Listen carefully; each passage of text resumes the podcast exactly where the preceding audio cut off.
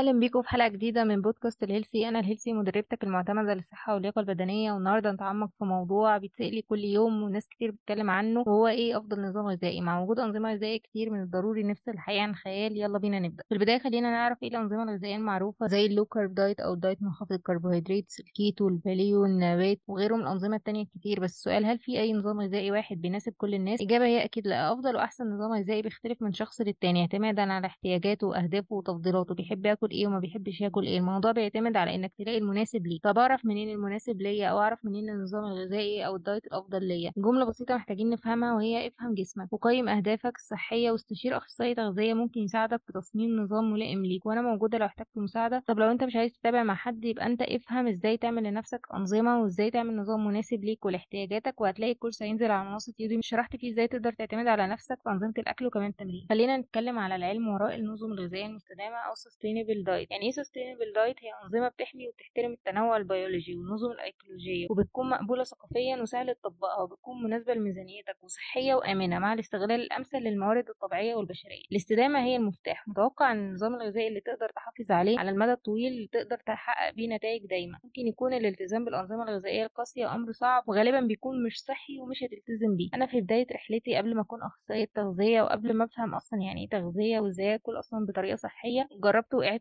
في الفخ بتاع النظام اللي بيناسب كل الناس أو نظام الورقة اللي بتتكتب لكل الناس والنظام وللأسف كانت حاجة بشعة. عشان كده عايزة بس أقول لكم إن الأنظمة الغذائية القاسية أمر صعب وغالبا بيكون مش صحي ومش هتلتزم بيه وده مش مفهوم الحياة الصحية. أي نظام قاسي فيه حرمان ده مش حياة صحية وده مش نظام دايت مناسب أصلا ولا صحي ولا بيمت للتغذية الصحية والحياة الصحية بصدق كمان مهم تستمتع بالأكل اللي بتاكله مش طبيعي إن نظام أكلك يكون فيه أكل أنت مش بتحبه أو ملوش طعم وتتوقع إنك هتلتزم بيه وتحقق نتائج كويسة. ده غير إن إحساس الحرمان من الأكل نفسه ده مش شيء صحي وما فيهوش توازن. ما ينفعش حد يكون ما بيحبش ياكل فراخ وأنا أروح أحط له النظام بتاعه كله فراخ. ده ده مش أو اللي هو لأ أنت هتاكل فراخ غصب عنك. الحل إن أنا أحط له بدايل مناسبة ليه ويكون بيحب ياكلها هو مش بس النظام الغذائي إن أنا أكتب له نظام بسعرات اللي هو محتاجها عشان يوصل للهدف لأن هو لو وصل للهدف بالأكل اللي هو ما بيحبوش ده هو مش هيلتزم. هيحقق الهدف ده وخلاص وهيوقف ومش هيكمل وهيرجع يبوظ كل ده تاني ونعيد من أول وجديد. فليه من الأول؟ خلينا نشوف مع بعض كام نظام غذائي كده نفهم هما إيه بس ده مش ترشيح للأنظمة الغذائية أنا بشرح لكم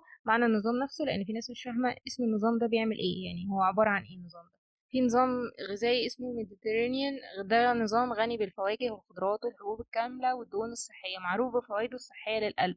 أما مثلا في نظام تاني اسمه ال DASH diet ده نظام غذائي بيشتغل على تقليل تناول الصوديوم وده مفيد لإدارة ضغط الدم. ده لو عندك مشاكل في الضغط واللي يقرر إنك تمشي عليه يكون دكتور أو أخصائي تغذية ما ينفعش أي حد من نفسه يعمل أي نظام علاجي لنفسه. طب إزاي تعمل نظام غذائي لنفسك؟ أول خطوة ابدأ بتتبع الأكل اللي بتاكله ده يساعدك تحدد النظام اللي أنت حابه والمناسب ليك. تاني حاجة جرب. عمرك ما هتعرف أي حاجة غير لما تجرب. جرب الأنظمة الغذائية المختلفة بس خلي بالك من استجابة جسمك وهتلاقي المناسب ليك. دلوقتي خليني أجاوب على بعض الأسئلة اللي جات لي في التغذية وأنت كمان لو عندك أي سؤال ابعت لي على انستجرام عشان أجاوب عليه في الحلقة الجاية. أول سؤال إيه رأيك في نظام الصيام المتقطع؟ الصيام المتقطع ممكن يكون فعال لبعض الناس بس هو مش مناسب لكل الناس. الأحسن إن أنت تستشير متخصص قبل ما تبدأ فيه. تاني سؤال المكملات الغذائية هل هي مهمة؟ هل لازم أخدها؟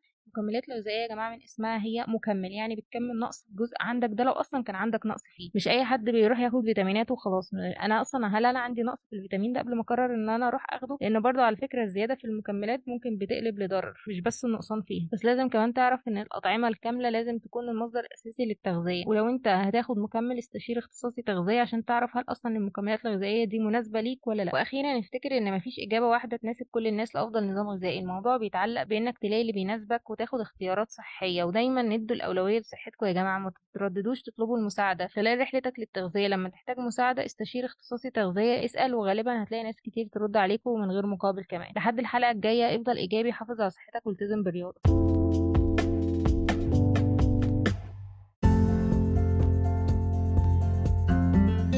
على متابعة الهيلثي لو عندكم أي سؤال أو مواضيع حابين نغطيها في الحلقات الجاية ممكن تتواصلوا معايا على وسائل التواصل الاجتماعي باسم الهيلثي وهرد عليكم.